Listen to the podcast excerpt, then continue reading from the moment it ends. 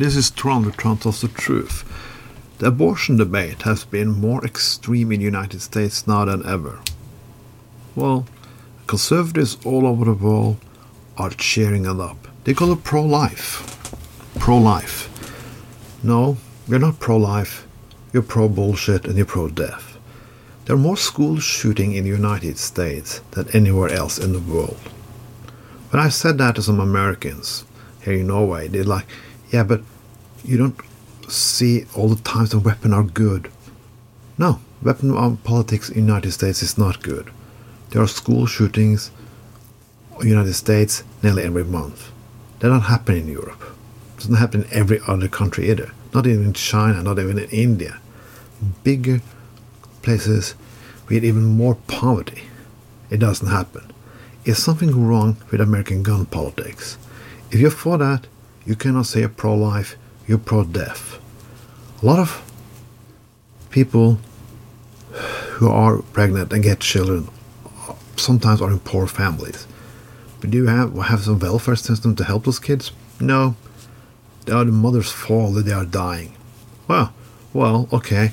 So you don't really give a shit about the kid because when it's born, it's not your fucking responsibility. You can you just want to let it die. You can say it's not your fault because the mother had a choice. Yeah, she had a choice to take an abortion that you don't want to give her, or have a child that she can't afford, and sometimes we die or getting sick or anything else. A lot of that shit happens because you made a fucking choice. Conservatives always want war too, but war is not always pro-life. Afghanistan war was not pro-life. The war in Iraq was not pro-life. Torturing people in a concentration camp in Cuba wasn't even pro-life.